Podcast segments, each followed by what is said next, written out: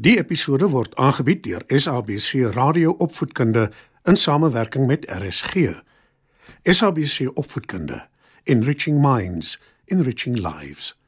Opskud. Skryf nader en kom luister en leer saam.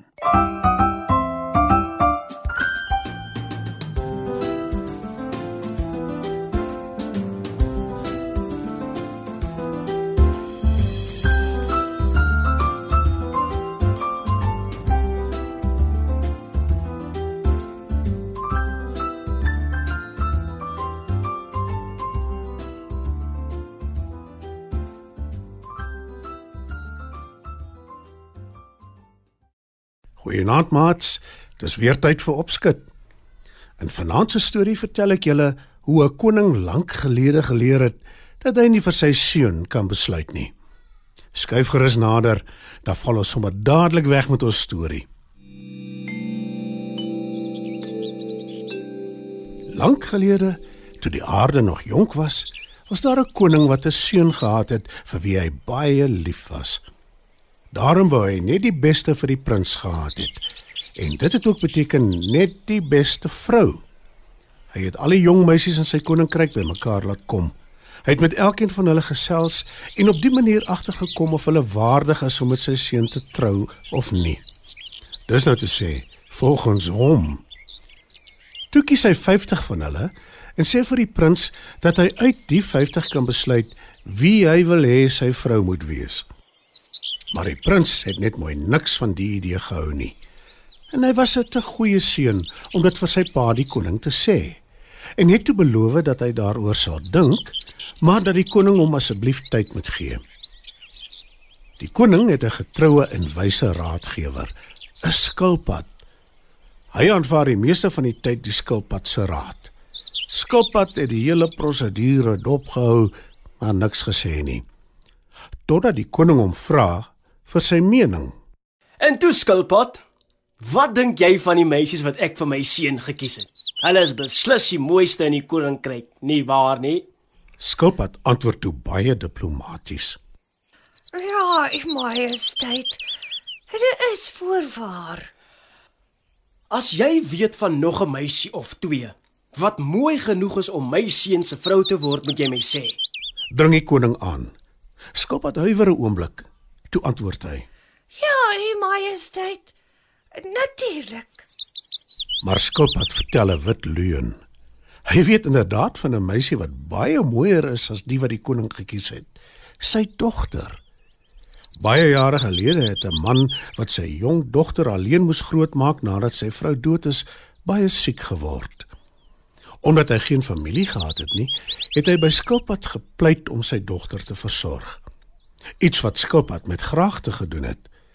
Die meisie se naam is Isabel. Maar sy is nie net beeldskoon nie, sy is ook lief en gaaf en nederig. Skilpad wil net die beste vir haar hê. En dit sluit in dat as sy die dag besluit om te trou, dit met iemand sal wees wat sy kies. Nie omdat die koning haar vir sy seun uitgesoek het nie. Skilpad en sy dogter bly in 'n klein huisie naby 'n woud. Hulle het baie min te doen met die ander inwoners in die koninkryk. Isabel geniet dit om van Skilpad se baie boeke te lees en sy hou ook daarvan om bessies in die woud te gaan pluk. Een oggend is sy juis besig daarmee. My mandjie is vol. Dis tyd om huis toe te gaan. Maar toe skielik word sy onderbreek. 'n Jong man op 'n perd verskyn voor haar. Sy duins terug en vra: Wie is jy? En wat maak jy hier? Die jong man kyk verstom na Isabel. Hy het nog nooit so 'n mooi meisie gesien nie. Hy dink 'n oomblik na en toe antwoord hy: My naam is Frederik. Ek bly op die dorp hier naby. Mag ek vra wat jou naam is? Isabel huiwer. Sy praat nie eintlik met vreemdelinge nie, maar toe antwoord sy: My naam is Isabel. Ek is Skilpad se dogter, die koning se raadgewer. Het jy al ooit die koning ontmoet? "Wil die jong man weet?" Nee, antwoord Isabel. Die jong man glimlag verlig, want hy is eintlik die prins. Maar hy wil dit liewer vereers geheim hou. Daarna kom Frederik gereeld na die woud toe. Wanneer die skilpad by die koning in sy kasteel is natuurlik. Hy en Isabel raak groot vriende. Om die waarheid te sê, hulle word meer as net vriende. Hulle is verlief op mekaar. En toe op 'n dag kom Skilpad onverwags vroeg huis toe. Toe hy die prins saam met sy dogter sien, is hy woedend. Wat maak jy hier saam met my dogter? Sy is nie een van die meisies wat die koning vir jou uitgesoek het nie. Gaan dadelik terug paleis toe. Ek sal môre met die koning hieroor praat. sê hy. Isabel kyk verbaas na die prins. Toe kyk sy na die skilpad. Die prins wil nog verduidelik, maar die skilpad laat hom nie toe nie. Toe hy weg is, vertel skilpad vir Isabel die waarheid. Sy is na aan trane. Ek kan nie glo Frederik het my bedrieg nie. Ek het gedink hy's 'n wonderlike man. Ek het lief geraak vir hom. Sy sy hartseer. Skilpad troos haar en pleit by haar om te vergeet van die prins. Die volgende dag toe hy die koning inlig oor wat aangaan, is hy verbaas toe die koning sê: My seun het my wense verontagsaam. Hy het verlief geraak op 'n meisie van sy keuse, jou dogter. En ek dink sy voel dieselfde oor hom. Skilpad wik en weeg, maar moet erken dat dit waar is. Wat doen ons nou, U Majesteit? Vra hy. Die koning glimlag en sê: Ons het geen ander keuse as om hulle toe te laat om te trou nie. Albei het self gekies. En dit is eintlik hoe dit moet wees, nie waar nie? Skilpad kan nie anders as om saam te stem nie. En Frederik en Isabel ontvang toe beide ouers se seun.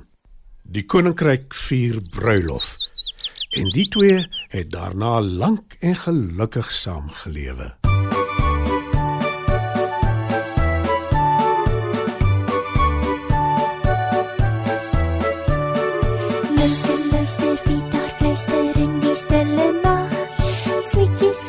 esperto fui que escondi.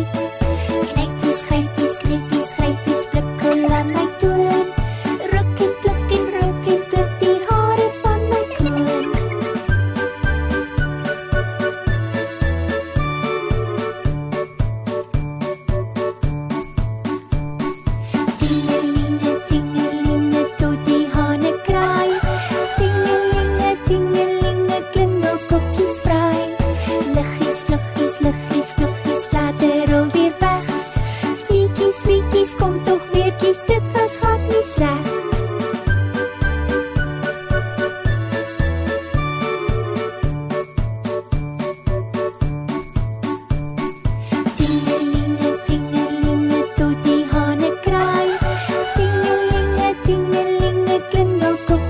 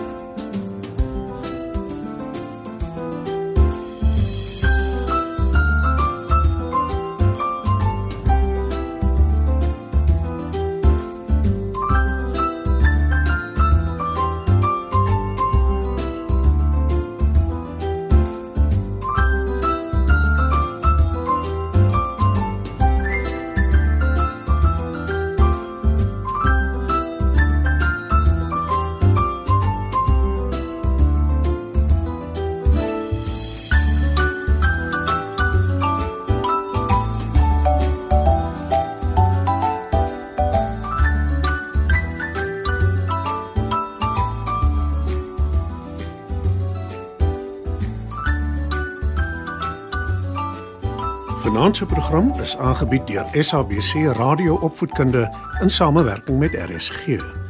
SABC Opvoedkunde, Enriching Minds, enriching lives.